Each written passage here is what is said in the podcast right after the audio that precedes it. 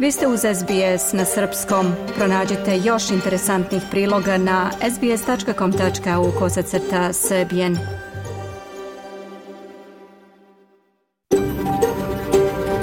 SBS, a world of difference. You're with SBS Serbian on mobile, online and on radio. Vi ste uz SBS na srpskom, na mobilnom, na internetu i na radiju. SBS odaje priznanje tradicionalnim vlasnicima zemlje sa koje danas emitujemo program na srpskom. Ovim izražavamo poštovanje prema narodu Kemriga ali njegovim prošlim i sadašnjim starešinama. Također odajemo priznanje tradicionalnim vlasnicima zemlje i svih aboriđinskih naroda i naroda ostrva Toresovog Moreuza na čijoj zemlji slušate naš program. Dobar dan. Danas je četvrtak, 7. decembar 2023. Ja sam Branko Cvetojević. U današnjem programu na srpskom donosimo Odluka Banke državnih rezervi da zadrži zvaničnu kamatnu stopu na nepromenjenom nivou donela je olakšanje mnogim građanima Australije. Međutim, javnost sa nestrpljenjem očekuje početak senatske istrage o navodima da najveći lanci samoposluga u zemlji neopravdano podižu cene proizvoda i ostvaruju enormne profite. Iz Srbije čućemo više o tome kako protiče predizborna kampanja uoči parlamentarnih i lokalnih izbora raspisanih za 17. decembar. Za SBS na Srpskom danas govori Ranka Rašić, novoizabrana gradonačelnica opštine Brimbank na severozapadu Melburna. U segmentu emisije posvećenom nauci čućemo kako je utvrđeno da pingvini spavaju samo po 4 sekunde u kontinuitetu, ali ipak uspevaju da skoro pola dana provedu u snu. Ostanite sa nama narednih sat vremena. Sledi pregled vesti.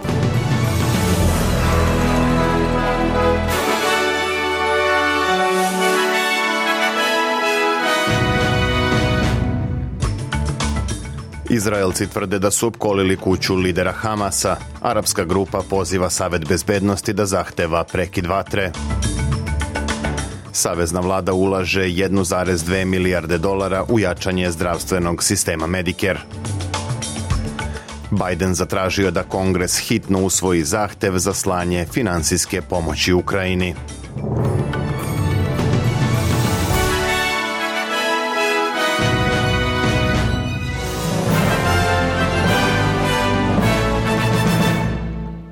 Izraelska vojska ušla je u grad Kan Yunis samo nekoliko dana pošto je proširila svoju kopnenu ofanzivu u pojasu Gaze.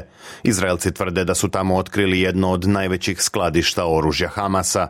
Izraelski premijer Benjamin Netanyahu izjavio je i da vojska opkoljava kuću najvišeg lidera Hamasa, Jahije Sinvara. Sinoć sam rekao da naše snage mogu stići bilo gde u pojasu gaze. Sada opkoljavaju Simvarovu kuću koja nije tvrđava. On možda može da pobegne, ali samo je pitanje vremena kada ćemo ga uhvatiti, rekao je Netanjahu.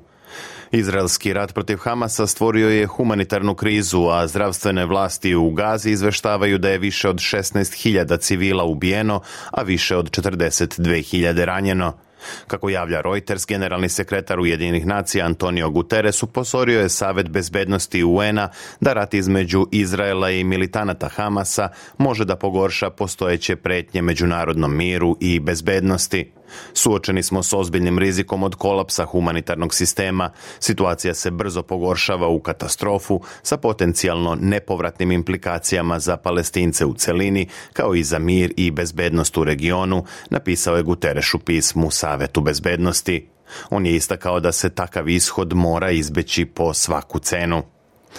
Interparlamentarna unija, arapska grupa koja okuplja 22 arapske zemlje je u završnoj fazi podnošenja nacrta rezolucije Savetu bezbednosti Ujedinjenih nacija kojom se poziva na prekid vatre u Gazi. Palestinski ambasador pri Ujedinjenim nacijama Riyad Mansur istakao je da je trenutak da Savet bezbednosti preuzme odgovornost za zaustavljanje sukoba. We cannot move further Uh, ne možemo da idemo dalje ako Savet bezbednosti ne preuzme odgovornost i ne reaguje na nacrt rezolucije kojom se poziva na prekid vatre. Nalazimo se u posljednjoj fazi pripremanja nacrta i možda ćemo pre kraja dana moći da napravimo korak u tom pravcu koji će se svakako dogoditi pre kraja ove nedelje, kazao je Mansur. Palestinski predsjednik Mahmud Abbas razgovarao je ranije tokom dana sa američkim zvaničnicima i naglasio potrebu većeg učešća Sjedinjenih država u okončanju rata. Ambasador Mansur je objavio i da se arapska grupa sastala sa Karimom Kanom, tužioce Međunarodnog krivičnog suda i pozvala ga da poseti gazu kako bi se uverio u razmere uništavanja i težak položaj lokalnog stanovništva. Prelazimo na domaće vesti. Zamjenica lidera liberala Susan Lee pozvala je saveznu vladu da se izvini građanima Australije u trenutku kada laburisti nastoje da vrate u pritvor nedavno puštene osobe iz imigracionog pritvora za koje se proceni da mogu predstavljati rizik po bezbednost društva. Za sada vlada ne otkriva koliko bi imigranti mogli da završe iza rešetaka prema zakonu o preventivnom pritvoru koji je juče usvojen u saveznom parlamentu. Istovremeno objavljeno je da je 45-godišnji muškarac koji je oslobođen prošle sedmice postao četvrti bivši pritvorenik koji je optužen za nova krivična dela – kako se navodi, on je prekršio zabranu kretanja u večernjim satima koju propisuju uslovi privremene vize, a također tereti se da je ukrao prtljag sa aerodroma u Melbourneu. Međutim, državni tužilac Mark Dreyfus odbio je da se izvini Australijancima zbog oslobađanja pritvorenika, do kojeg je došlo nakon odluke Vrhovnog suda da proglasi nezakonitim držanje imigranata u pritvoru na neodređeno vreme. Neću se izviniti zbog poštovanja zakona, niti ću se izvinjavati što sam težio vladavini prava, neću se izviniti ni što sam postupao u skladu s odlukom Vrhovnog suda. Za mene je vaše pitanje absurdno, kazao je Dreyfus. Savezna vlada se obavezala da će uložiti dodatnih milijardu i 200 miliona dolara u jačanje državnog zdravstvenog sistema Medicare kako bi se smanjio pritisak na bolnice. Premijer Antoni Albanese sastao se sa liderima država i teritorija kako bi se dogovorili o povećanom financiranju klinika hitne pomoći iz sredstava Medikera. Povećanje financiranja također bi trebalo da bude usmereno na starije građane kako bi se kroz primarnu negu smanjio broj njihovih prijema u bolnicu kao i da se omogući ranije otpuštanje sa bolničkog lečenja. Govoreći na sastanku nacionalnog kabineta, Albaneze je rekao da će jačanje Medikera ublažiti pritisak na sistem državnih bolnica. Albaneze kaže da Australijanci žele pristup zdravstvenoj zaštiti koja prepoznaje da su primarna i bolnička zaštita povezane i da se mora ojačati primarna zaštita kako bi se skinuo pritisak s bolnica. On je naglasio da su i jedno i drugo potrebni građanima Australije a korisnicima nacionalnog programa invalidskog osiguranja obećano je da će imati bolja iskustva i širu podršku u okviru NDIS-a. Savezna vlada će danas objaviti izveštaj o nezavisnoj reviziji ovog programa koji su sačinili jedan od njegovih tvoraca, profesor Bruce Bonihadi i bivša visoka državna službenica Liza Paul. Premijer Albaneze postigao je načelni dogovor sa premijerima država i teritorija kako bi se dao zajednički odgovor na reviziju. On je istakao da je NDIS-u koji s porastom potražnje i troškova vrši pritisak na vladine budžete potrebna reforma kako bi se obezbedilo da ovaj program program i dalje podržava osobe s invaliditetom. Albanez je naglasio da se nacionalni kabinet složio da zajednički radi na implementaciji zakonodavnih i drugih promjena u okviru NDIS-a. Slušate SBS na srpskom pregled vesti. Slede aktuelnosti iz Srbije i sveta. Predsjednik Srbije Aleksandar Vučić izjavio je da postoji mogućnost da Ohridski sporazum postane deo pregovaračkog poglavlja 35, a time i uslov za prijem Srbije u Europsku uniju. Vučić je u intervjuu za nedeljnik Nin naglasio da je uprkos tome jasno rekao šta ne može da prihvati kada je reč o uslovima za prijem Srbije u Europsku uniju. Posle svake njihove posete, kao i posle samog Ohrida, izašao sam i jasno rekao šta je to što prihvatamo, a šta ne možemo da prihvatimo, kazao je Vučić i dodao da i njegova usmena eksplicitna izjava predstavlja stav države i da preko toga ne može da se ide. Vučić je naglasio da je i poslanicima u Skupštini Srbije rekao da ne dolazi u obzir prijem Kosova u Ujedinjene nacije, navodeći da je o tome obavestio Francuze, Nemce, Italijane i sve Evropljane. Predsjednik Srbije je također rekao da dve zemlje snažno guraju da Ohridski sporazum postane deo pregovaračkog procesa, ali nije želeo da kaže o kojim državama je reč. Govoreći o predstojećim izborima u Srbiji, Vučić je rekao da će lista Srpske napredne stranke ubedljivo pobediti 17. decembra i da ostaje da se vidi ko će biti premijer. On je istakao da u stranci već razmišljaju bar o dva predloga, ali da ni jedan od tih predloga za premijera za sada nije Ivica Dačić. Vučić je rekao i da ne može da se snalazi u kohabitaciji i da će čestitati opoziciji ako bude pobedila na izborima, te da će odmah reći da je spreman za razgovore o tome da li će se na predsjedničke izbore ići u maju ili septembru naredne godine.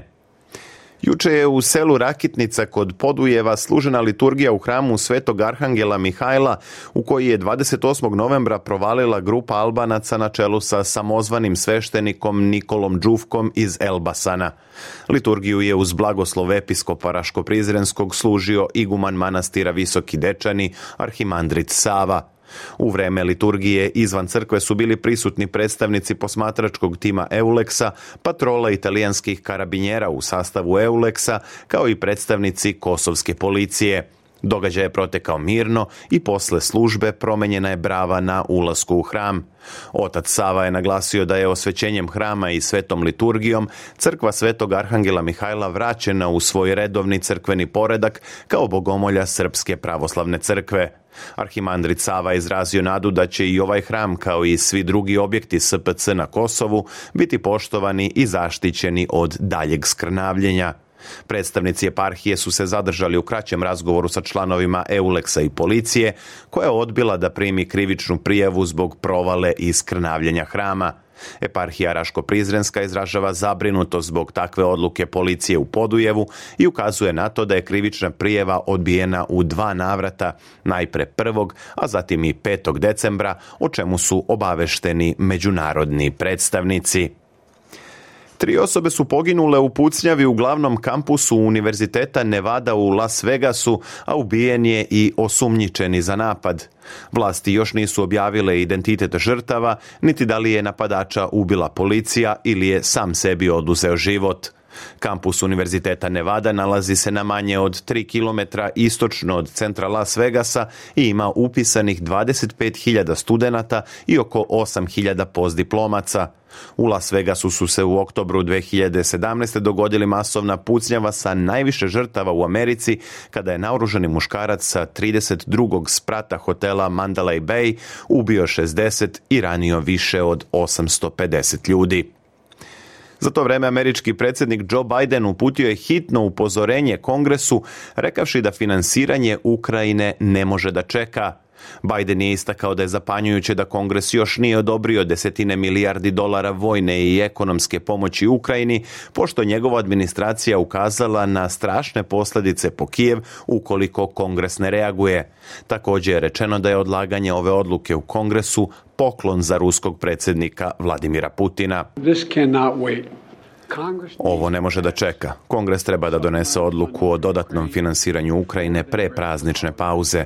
Iskreno, smatram da je zapanjujuće što smo uopšte stigli do ovakve situacije, rekao je Biden i optužio republikance u kongresu da su voljni da Putinu daju najveći poklon kome se mogao nadati i da dozvole da Amerika napusti poziciju globalnog lidera ne samo u Ukrajini, već i šire.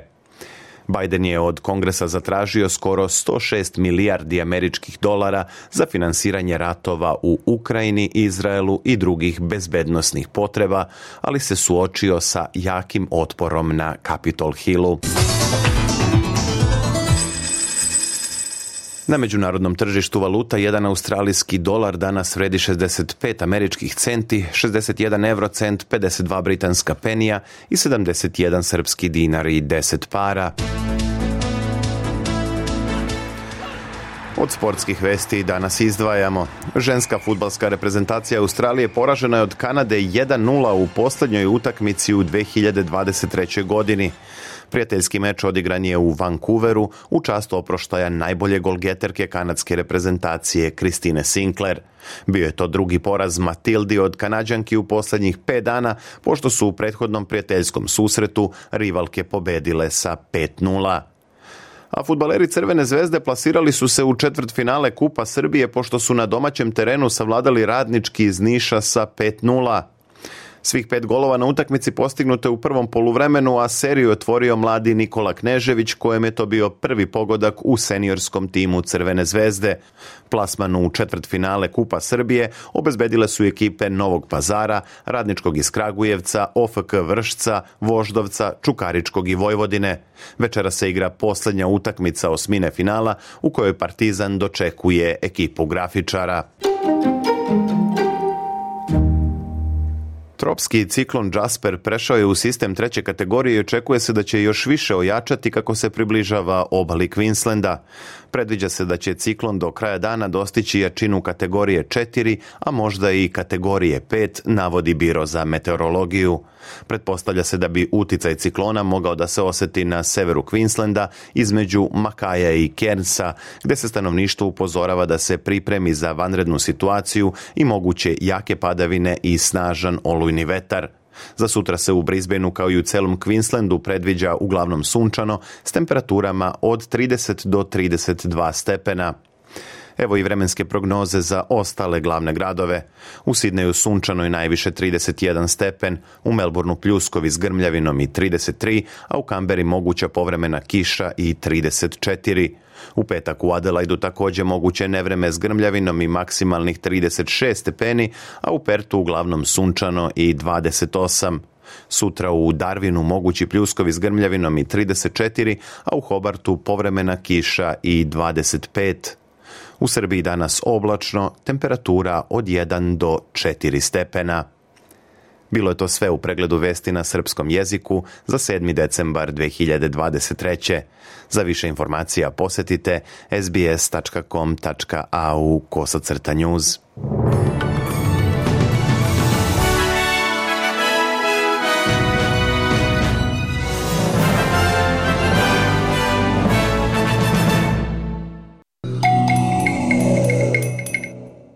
Slušate SBS na srpskom. Odluka Banke državnih rezervi da zadrži kamatnu stopu na gotovinu na nepromenjenom nivou od 4,35% donala je preko potrebno olakšanje australijskim domaćinstvima oči sezone božićnih i novogodišnjih praznika. Iz vlade tvrde da je to dokaz efikasnosti njihove politike u obaranju inflacije.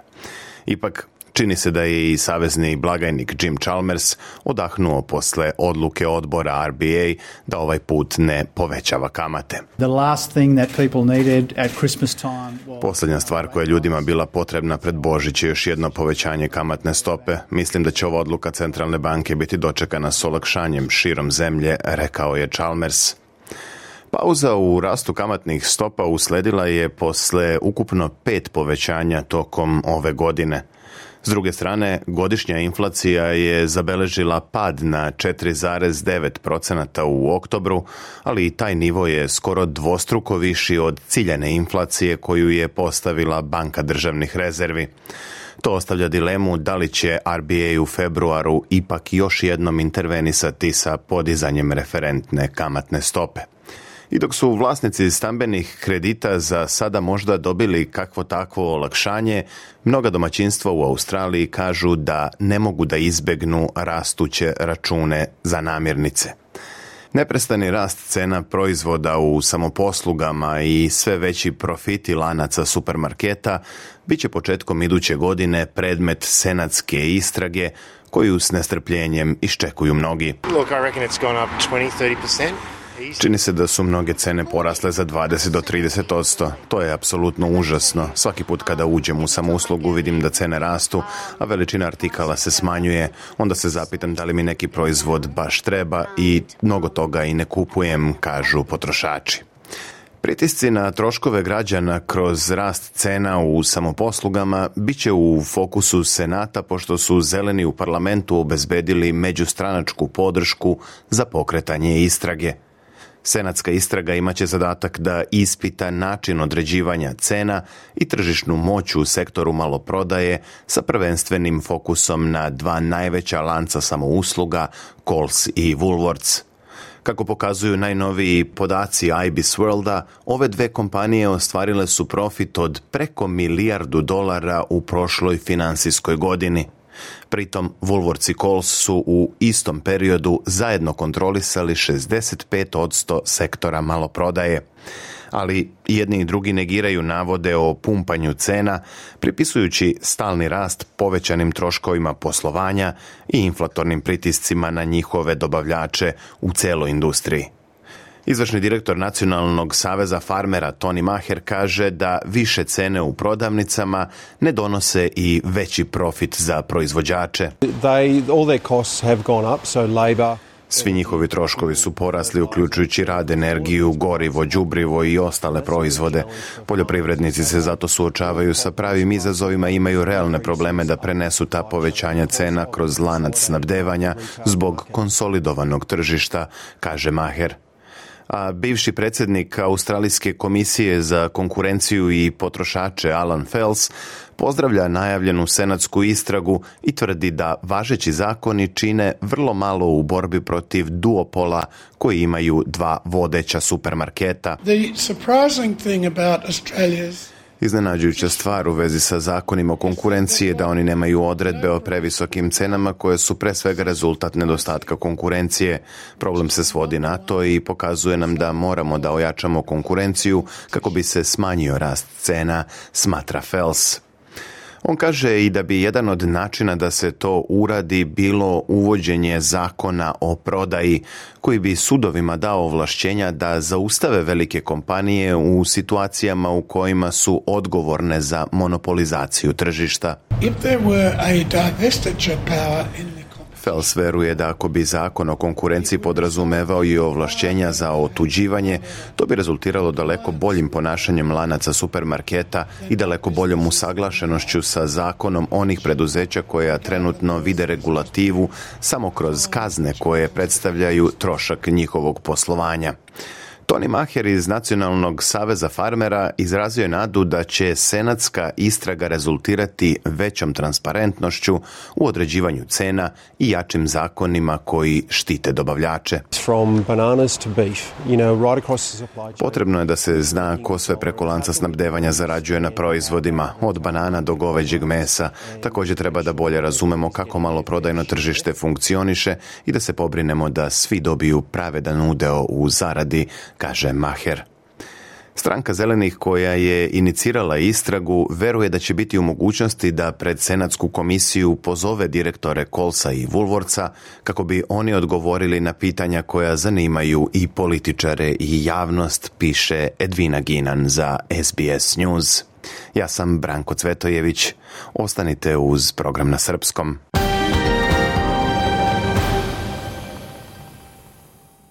U nastavku programa prelazimo na teme iz Srbije. Do održavanja parlamentarnih i lokalnih izbora u Srbiji ostalo je još nešto više od nedelju dana. Kako se bliži 17. decembar, pravi je trenutak da saznamo i kakva je atmosfera pred glasanje. Zamolili smo našu saradnicu Miju Nikolić da nam kaže kakvu kampanju vode političke stranke i koalicije, kako relevantne organizacije ocenjuju dosadašnji tok predizborne kampanje, kao i da li su otklonjene ili uočene neke od dosadašnjih nepravilnosti.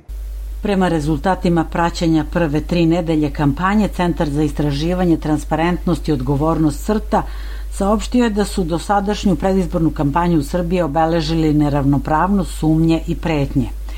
Sličnu ocenu iznose i međunarodne organizacije za praćenje izbora koje upozoravaju da predizborna kampanja u Srbiji protiče u atmosferi zloupotreba pritisaka napada na opoziciju, novinare i civilne aktiviste. Odmah po raspisivanju izbora postalo je jasno da su teme i programska rešenja manje bitan deo kampanje. Obe strane političkog spektra iz petnih žila pokušavaju da kreiraju referendumsku atmosferu u kojoj bi se odlučivalo za ili protiv aktuelne vlasti, posebno u Beogradu, za koji se procenjuje da ga vladajuća koalicija može izgubiti. Na listi SNS-a pod nazivom Aleksandar Vučić Srbija ne sme da stane nalazi se miks vodećih stranačkih funkcionera, ljudi iz javnog života, sportiste i aktivista u različitim oblastima. Sam naziv liste, a i svaki nastup predsjednika Vučića koji je nosilac kampanje, protivzakonito, kako tvrde stručnjaci, sugeriše da je SNS jedini garant razvoja, da su ovi izbori sudbonosni i pitanje života i opstanka i očuvanja naše otačbine, da je sve osim pobede Srpske napredne stranke poigravanje sa sudbinom Srbije. Upozorava se da je opozicija u ovom ključu ne samo politički protivnik, e, već i neprijatelj države, da umjesto stabilnosti napretka opozicione sile prete da Srbiju vrate na stare staze bespuća, nesigurnosti i lopovluka. Srbiji trebaju mir i stabilnost, sav progres u prethodnih 11 godina, rezultat je napornog rada u prvom redu predsjednika, pa onda i onog pristojnog dela društva, poručuju naprednjaci koji se posebno, e, kako tvrde analitičari, obraćaju penzionerima, a koje nazivaju stubom društva jer su hrabro izneli mere štednje od 2014. ali se kako porukama tako i novčanom pomoći posebno obraćaju još i ženama i mladima. Proevropska opozicija okupljena u koaliciji Srbija protiv nasilja kao najjači protivnik aktuelnoj vlasti akcenat stavlja na nasilje fizičko koje je podstaklo masovne proteste nakon majskih tragedija, ekološko, ali i nasilje koje vezuju za ekonomsku situaciju u zemlji, najviše inflaciju kao i za funkcionisanje institucija te sveopštu korupciju. U tom ključu vladajuće stranke u sprezi sa kriminalom sprovode nasilje nad političkim i pravnim sistemom, zloupotrebljavaju institucije izjednačavaju sebe sa državom koju su porobile. Ovu koaliciju čini veliki broj stranaka od desnog centra do zelene levice, što otežava jasnu komunikaciju sa biračima i slanje nedvosmislenih ideoloških poruka, posebno kada je reč o rešavanju ključnih ekonomskih problema u zemlji, ali i na temu odnosa prema Kosovu i Metohiji, Rusiji, migrantima. Desnica nije uspela da se ujedinite, na izbore ide u čak četiri liste, dve najjače, dveri i zavetnici zajedno, novi DSS i pokret obnove Kraljevine Srbije kao druga koalicija, ali i Narodna stranka Vuka Jeremića solo i Savez SDS-a Borisa Tadića i dosta je bilo Saša Radulovića. Svima njima je zajedničko da se oštro protive francusko-nemačkom sporazumu za rešavanje kosovskog problema kao i svim drugim sporazumima oko Kosova koje je aktuelna vlast potpisala u proteklih 11 godina. Desnica temu Kosova kandiduje kao ključnu, ali se i protivi uvođenju sankcija Rusiji. Obe strane opozicionog spektra protive se iskopavanju litijuma, iako je desnica u ovom trenutku glasnija, jer se oštro suprostavlja inostranom uticaju, kolonizaciji i zalaže se za očuvanje srpskih prirodnih resursa. Crta ukazuje da je u prve tri nedelje kampanje zabeleženo čak 450 poseta najviših državnih funkcionera lokalnim zajednicama u kojima su raspisani izbori, a da se predsjednik Vučić na televizijama sa nacionalnom frekvencijom pojavio preko 400 puta. Prema navodima dela domaćih glasila, mogućnost izborne krađe otvara nova usluga portala e-uprava putem koje svi građani mogu besplatno da promene svoje podatke u biračkom spisku, što znači kako piše portal direktno da u vrlo kratkom roku vlast može da prebaci desetine hiljada građana u Beograd i tako spreči siguran poraz u glavnom gradu. Autonomija prenosi da 300 do 500 građana iz delova Srbije gde nisu raspisani lokalni izbori dnevno fiktivno promeni adresu zbog izbora u Beogradu, ali i u ostalim varošima gde su izbori. Ocena crte da će se nasilna atmosfera intenzivirati kako odmiče kampanja dobila je potvrdu tokom nedelje za nama kada je i intima ušla u službu političke borbe. Naime, najpre na društvenim mrežama, a za vikendi na televiziji sa nacionalnom frekvencijom Pinku je prikazan intimni video snimak opozicionog političara Đorđa Miketića, za koga se tvrdi da je uz sve još i koristio narkotike. Posle emitovanja ovog kućnog videa, Đorđe Miketić je objavio da se povlači iz kampanje da ne bi naštetio listi Srbija protiv nasilja i da kreće u pravnu borbu kako bi od blaćenja zaštitio svoju porodicu. Bila je to naša saradnica iz Srbije, Mija Nikolić. Ostanite uz SBS na Srpskom. SBS na Srpskom. Podelimo priče na Facebook stranici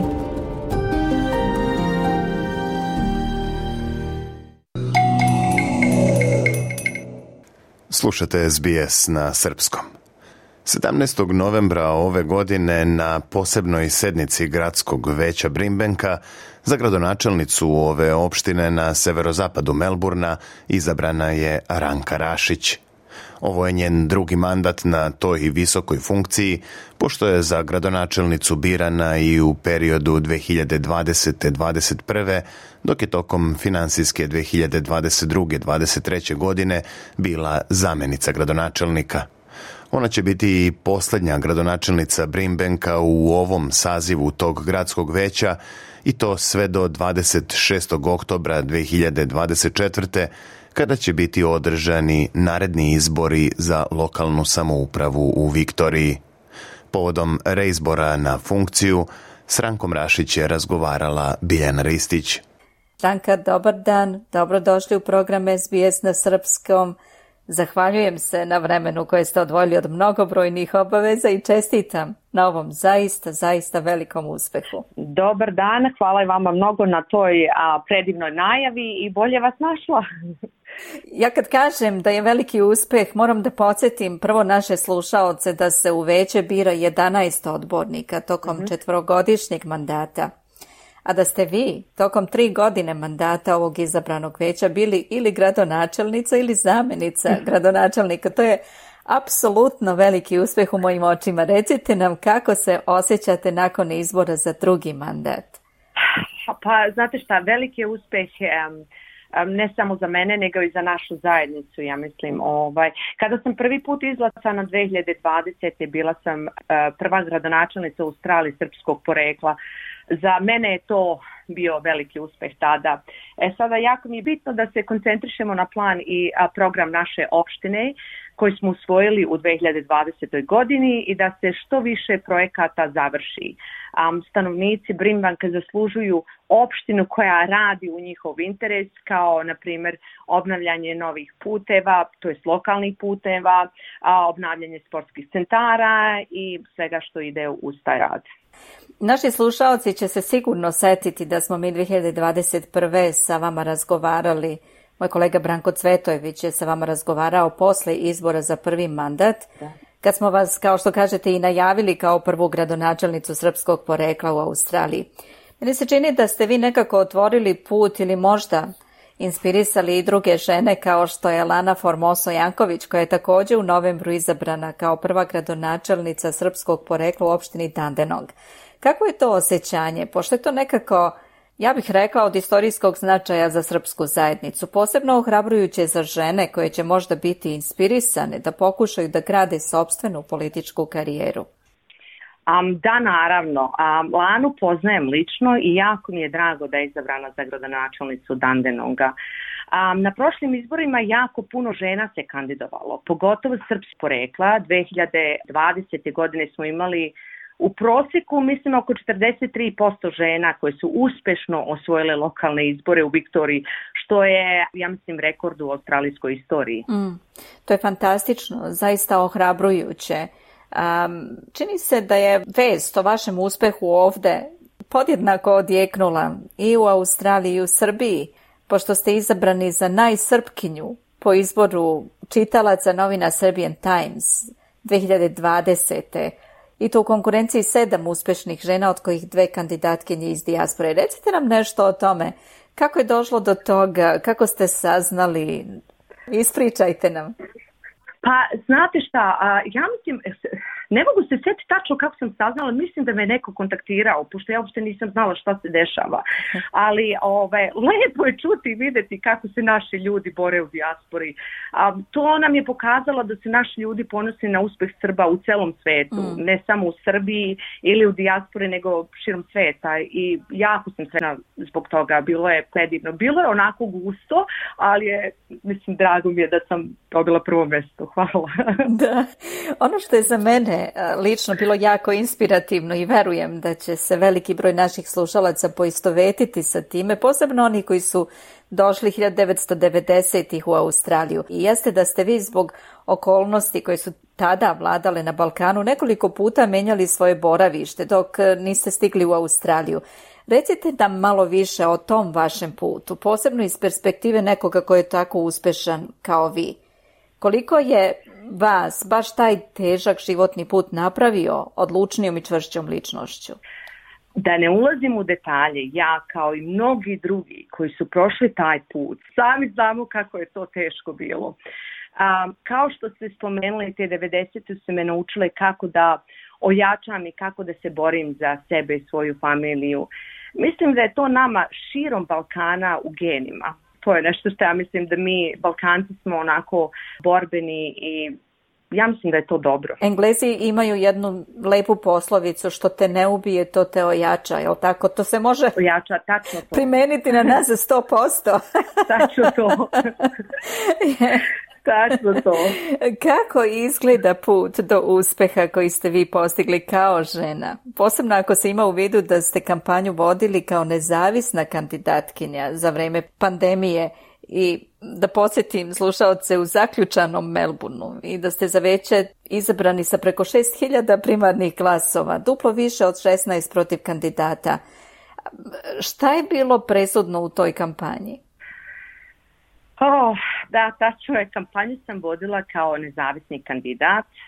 A bilo je jako teško, pogotovo što se sve dešavalo tokom pandemije, kao što vi isto kažete. A Melbourne jeste bio zaključan, bili smo jako limitirani. Pa ja mislim da je tokom kampanje najbitnije da se obrati pažnja na nedostatak opštine kao što su lokalni putevi, parkovi, igrališta, sportski objekti. To sve što naši građani zahtevaju, a ja mislim i zaslužuju. Da li imate reći hrabrenja za druge ljude, posebno za žene, posebno migranskog porekla, da se uključe u politiku na opštinskom, ali i na državnom nivou? Da, naravno. Ja mislim u životu je upornost jako bitna. Ja lično bi dala podršku svakoj ženi koja se odluči na taj poziv. u Viktoriji su žene jako zastupljene što se tiče lokalne i državne politike. Mi nikada nismo imali ovoliki broj žena kao što imamo sada to jest imaju laboristi na nivou federalnom i viktorijske vlade, ali uvek ima mesta za više žena da se ispravi neravnopravnost politike prema ženama. Da, da. da. da. da budu više zastupljene, da se njihov glas čuje, Tačno. tako? Da, da. Naravno. Mhm. Kao što sam malo pre rekla, 2020 imali smo oko 43%, ali uvek ima mesta da se napravi ta ravnopravnost. Da, pa pretpostavljam da će veće prisustvo žena, samo njihovo prisustvo otvoriti vrata za tu realnost, jel tako? Naravno, naravno, da. Vaša opština, znači čija ste vi gradonačelnica, ima nešto preko 200.000 stanovnika. 48,2 je rođeno u inostranstvu, znači skoro polovina.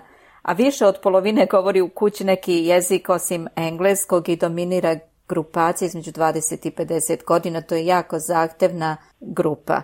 Koliko je zahtevno stvarno znati potrebe takve zajednice i kako stičete uvid u njihove potrebe? Da, tačno je, imamo 200.009 stanovnika i imati takvu veliku i multikulturalnu zajednicu je zahtjevno ali mi smo toga svjesni i pokušavamo na svaki način da pružimo svojoj zajednici adekvatnu pomoć. A kao što su interpreting services, programe na različitim jezicima. U našim štampanim i internet izdacima imamo opcije na različitim jezicima, tako da isto pomoć ljudima, pogotovo starijim grupama koji ne pričaju engleski, jako je zahtjevno, ali, ali stiže se. Jel nekad imate vremena da se sastanete sa grupama ljudi, da čujete njihova mišljenja i tako da? Pa nisam se sastojala sa grupama ljudi, ali najviše kroz telefonske pozive, mhm. kroz e-mail, šta je bitno njima, šta različite grupacije ili grupe, etničke grupe traže od nas, tako da smo kroz to sve išli i na taj način pokušavamo da napravimo adekvatnu pomoć prema tim ljudima. Mhm. Da li se dosta ljudi javlja zaista vama, na primjer, kao gradonačelnici? Ili da pitaju za pomoć? da, da, da, uvek se javljaju, šalju mi e-mail, naši ljudi većinom me nazovu, oni ne šalju e to su stariji ljudi. I jako mi je mhm. drago kad ih čujem tako da traže neku pomoć, tako da ovaj, na, na različite načine, da. Da. Um, u proteklih dve, tri godine, baš tokom vašeg mandata u Veću, Brimbank je dobio značajna financijska sredstva iz državnog i iz federalnog budžeta. Mhm. Recite nam, koji su veći projekti sprovedeni u tom periodu? Eh, a neki od tih projekata se vežu za moju kampanju koju sam tada vodila mhm. i um, obezbedila 100 miliona investicije za buduće nadogradnje autoputa i obilaznice. to je na Calder Freeway izgradnja pruge od centra Brimbenka do aerodroma. Tu je sve u planskoj fazi trenutno a i nadam se da će početi uskoro. Investicije u javnom prevozu, znači uvek se radi na nečemu, uvek se radi na nečemu i jedva čekam da se dosta toga i završi. Nadam se da neki projekti će se završiti pre isteka mandata, pa vidjet ćemo. Ja sam negdje pročitala u nekom lokalnom listu nedavno da je za vašeg mandata napravljen i akvatik centar koji je prvi, ja mislim, u Australiji koji je sustainable. Jeste, taj akvatik centar je u Kilordeonsu, to je deo Brimbanka u kojem je situiran. Potrošeno je preko 50 miliona dolara i um, što bi rekli world class je. Jeste. Ja sam baš nedavno prolazila kraj tog centra i zaista sam se prijatno iznenadila. Zaista izgleda predivno. Nisam imala priliku da uđem unutra, ali vrlo sam zainteresovana da saznam više, posebno kad sam pročitala da je potpuno sustainable. Da, je. Mm. Da, da, mm. Koje projekte imate u planu tokom ovog mandata vašeg sad? Mm. Iako lokalne opštine nisu zadužene za autoputeve, na nama je da budemo glas, da lobiramo državnu i federalnu vladu za investicije kako bi činili ovaj grad boljim i pristupačnim, tako da ću se ja i dalje da borim za Calder Freeway i lokalne ceste, svašta po nešto. Znači šta god je u mojoj noći u ovoj godini ja ću pokušati da započnem. Iako ne bude završeno, meni će drago biti da vidim za par godina te projekte završene. I na kraju, Danka, Pošto praktično u istoj opštini živite od dolaska u Australiju, interesuje me šta biste rekli do kakvih je promjena došlo za to vrijeme, znači od 1990-ih do sada, da li su pozitivne ili negativne i također šta biste rekli koliko se promenila zajednica uopšte, ali i srpska zajednica? Jeste i nije, zavisi na šta gledamo. Brimbenk je skoro neprepoznatljiv što se tiče izgrađenosti. Znači veći, zeleni, izgrađeni, predivan. Nešto što se nije promenilo je multikultura u ovom gradu. Tada je bilo isto kao i danas i to me čini baš onako srećnom. Na taj način pokazujemo kako sa otvorenih ruku i dan danas primamo nove generacije sa raznih strana sveta, baš ovdje u Brimbenku, što je bilo i 90 kada mm. sam ja stigla. Znači, u svakom slučaju pozitivno, je li tako? E, veoma pozitivno, da. Da. da. Niste pogrešili, jel tako, kad ste izabrali Australiju da dođete da živite? Ne, ovo je jedna divna erija sa multikulturom. Ja mislim da delimo sa Dandenongom otprilike taj multikulturalni raspon, ali Brimbank je jedan predivan grad, velik po prostoru i po stanovnicima, kao što smo spomenuli, 200.009 stanovnika i ta multikultura, to, to, to, je, to je nešto predivno, to, to se ne može zameniti ni u jednoj drugoj eriji, kao što je u Brimbanku. Danka, došli smo evo nekako i do kraja ovog našeg razgovora, potrošili vreme koje nam je predviđeno. Ja želim da vam se zahvalim za ovih pola sata koje ste odvojili da razgovarate sa mnom i želim vam sve najbolje u vašem radu tokom ovog mandata, a možda vas vidimo i u sljedećem izborima da ponovo budete izabrani u veće ko će zat možda, vidjet ćemo šta budućnost nosi. A hvala i vama na pozivu i veliki pozdrav SBS slušalcima. Hvala vam. Hvala mnogo. Moja sagovornica bila je gospođa Ranka Rašić koja je u drugom mandatu gradonačelnica za opštinu Primbank u Melbourneu. Vi slušate SBS na srpskom, ja sam Biljana Ristić, ostanite sa nama. Slušajte SBS na srpskom, na mobilnom, na internetu i na radiju.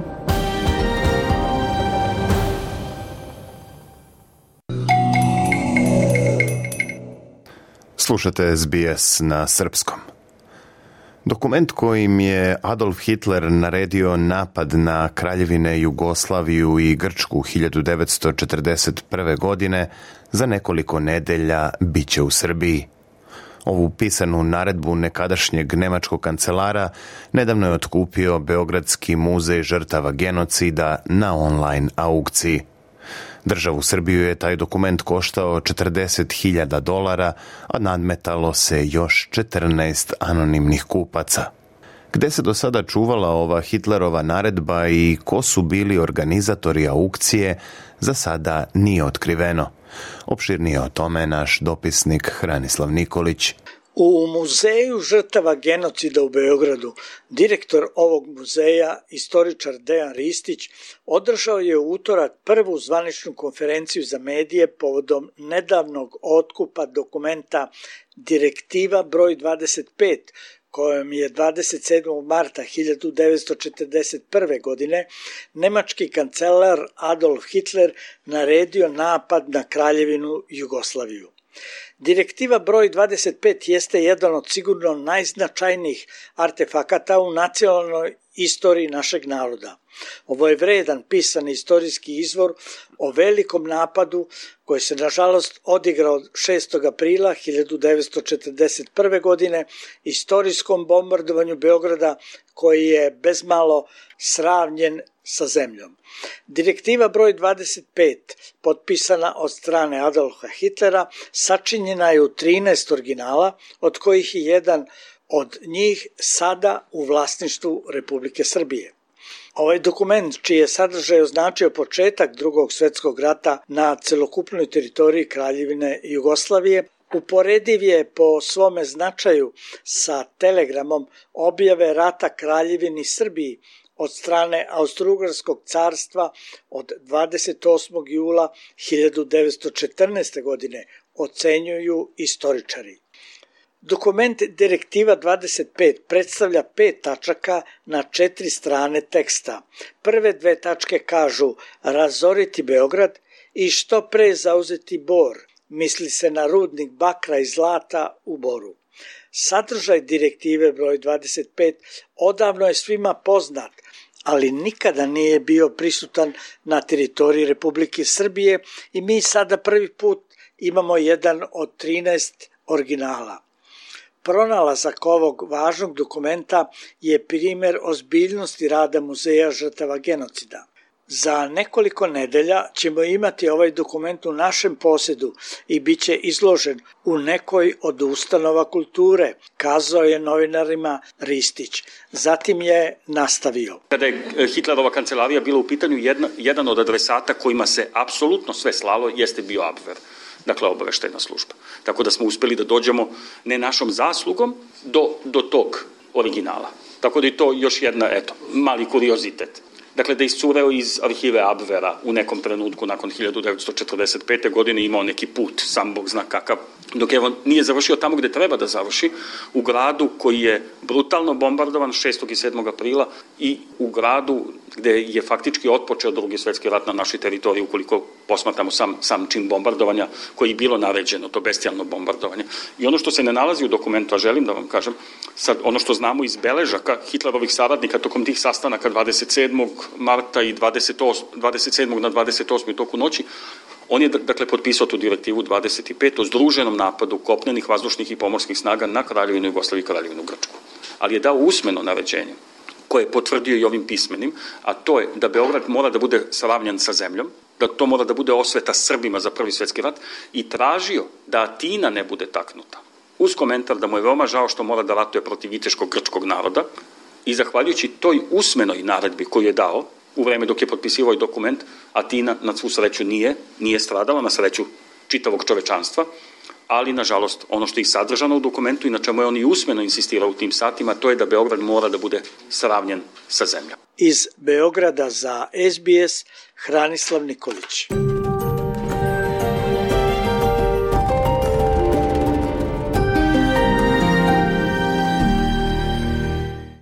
Da li ste znali da pingvini spavaju samo po nekoliko sekundi? Ali tu radnju ponove po više hiljada puta tokom dana, kažu naučnici.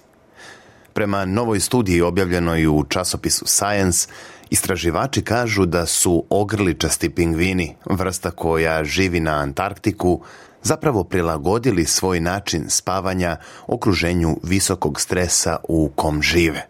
Kako tvrde naučnici, pingvini su razvili ovu neobičnu strategiju spavanja kako bi se izborili sa stalnim zahtevima roditeljstva.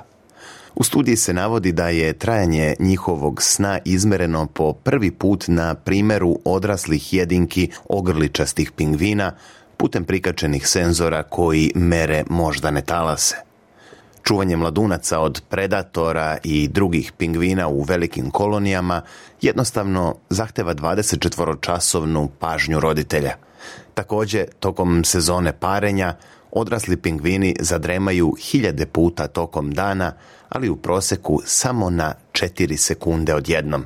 Međutim, istraživanje pokazuje da im i ovi mikrosnovi na kraju donesu oko 11 sati spavanja dnevno, što je dovoljno da u takvom ritmu funkcionišu nedeljama. Von Yang Lee je istraživač na Korejskom polarnom istraživačkom institutu i koautor ove studije o pingvinima. Yang kaže da je njegov tim prvi put posjetio Antarktik 2014. i od tada proučavaju pingvine. Kada smo ih posmatrali u divljini nije izgledalo kao da spavaju, činilo se kao da imaju niz kratkih spavanja za razliku od nas ljudi koji spavamo po 7-8 sati tokom noći. Pretpostavili smo da je njihov način spavanja takav zbog grabljivaca u blizini ili buke koju prave drugi pingvini.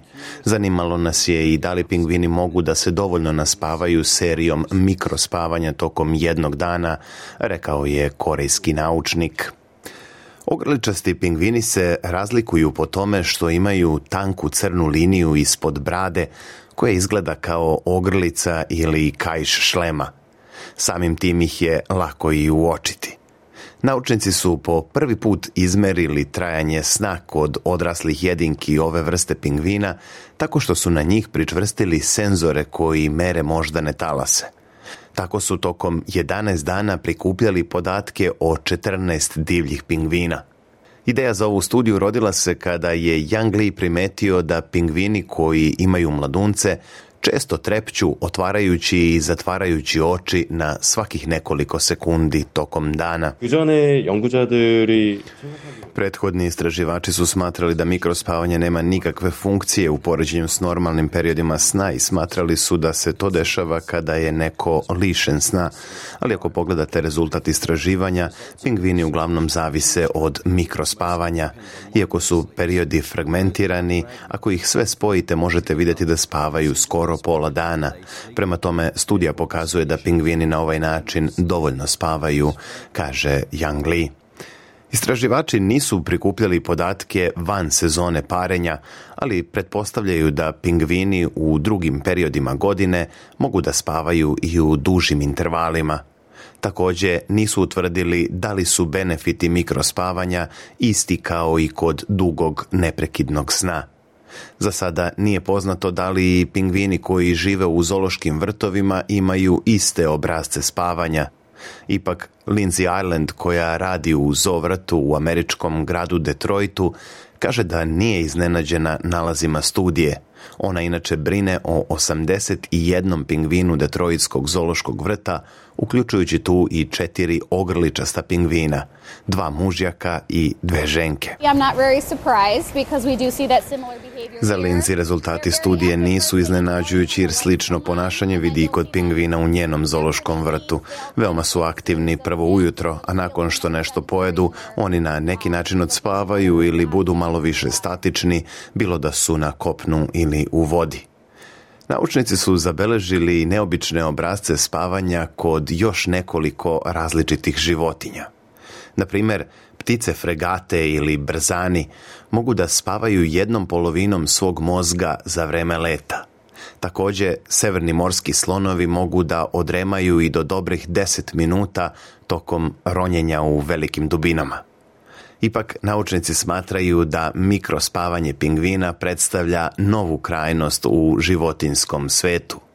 Daniel Paranjos Ziterbert, koji proučava pingvine u Institutu za okeanografiju Woods Hole u američkom Massachusettsu, opisao je mikrospavanje i kao neverovatnu mogućnost adaptacije koja omogućava skoro konstantnu budnost tokom dana, prenosi agencija Associated Press.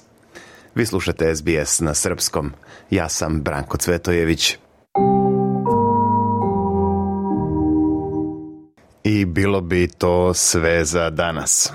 Narodnu emisiju na srpskom slušajte u subotu 9. decembra, a naš program možete pratiti uživo ili na zahtev putem internet stranice sbs.com.au kosacrta srbijen ili na mobilnoj aplikaciji SBS Audio.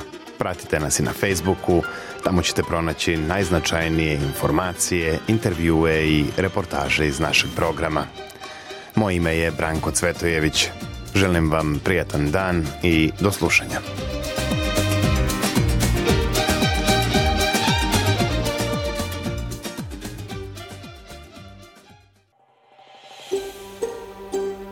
Želite da čujete još priča poput ove? Slušajte nas na Apple Podcast, Google Podcast, Spotify ili odakle god slušate podcast.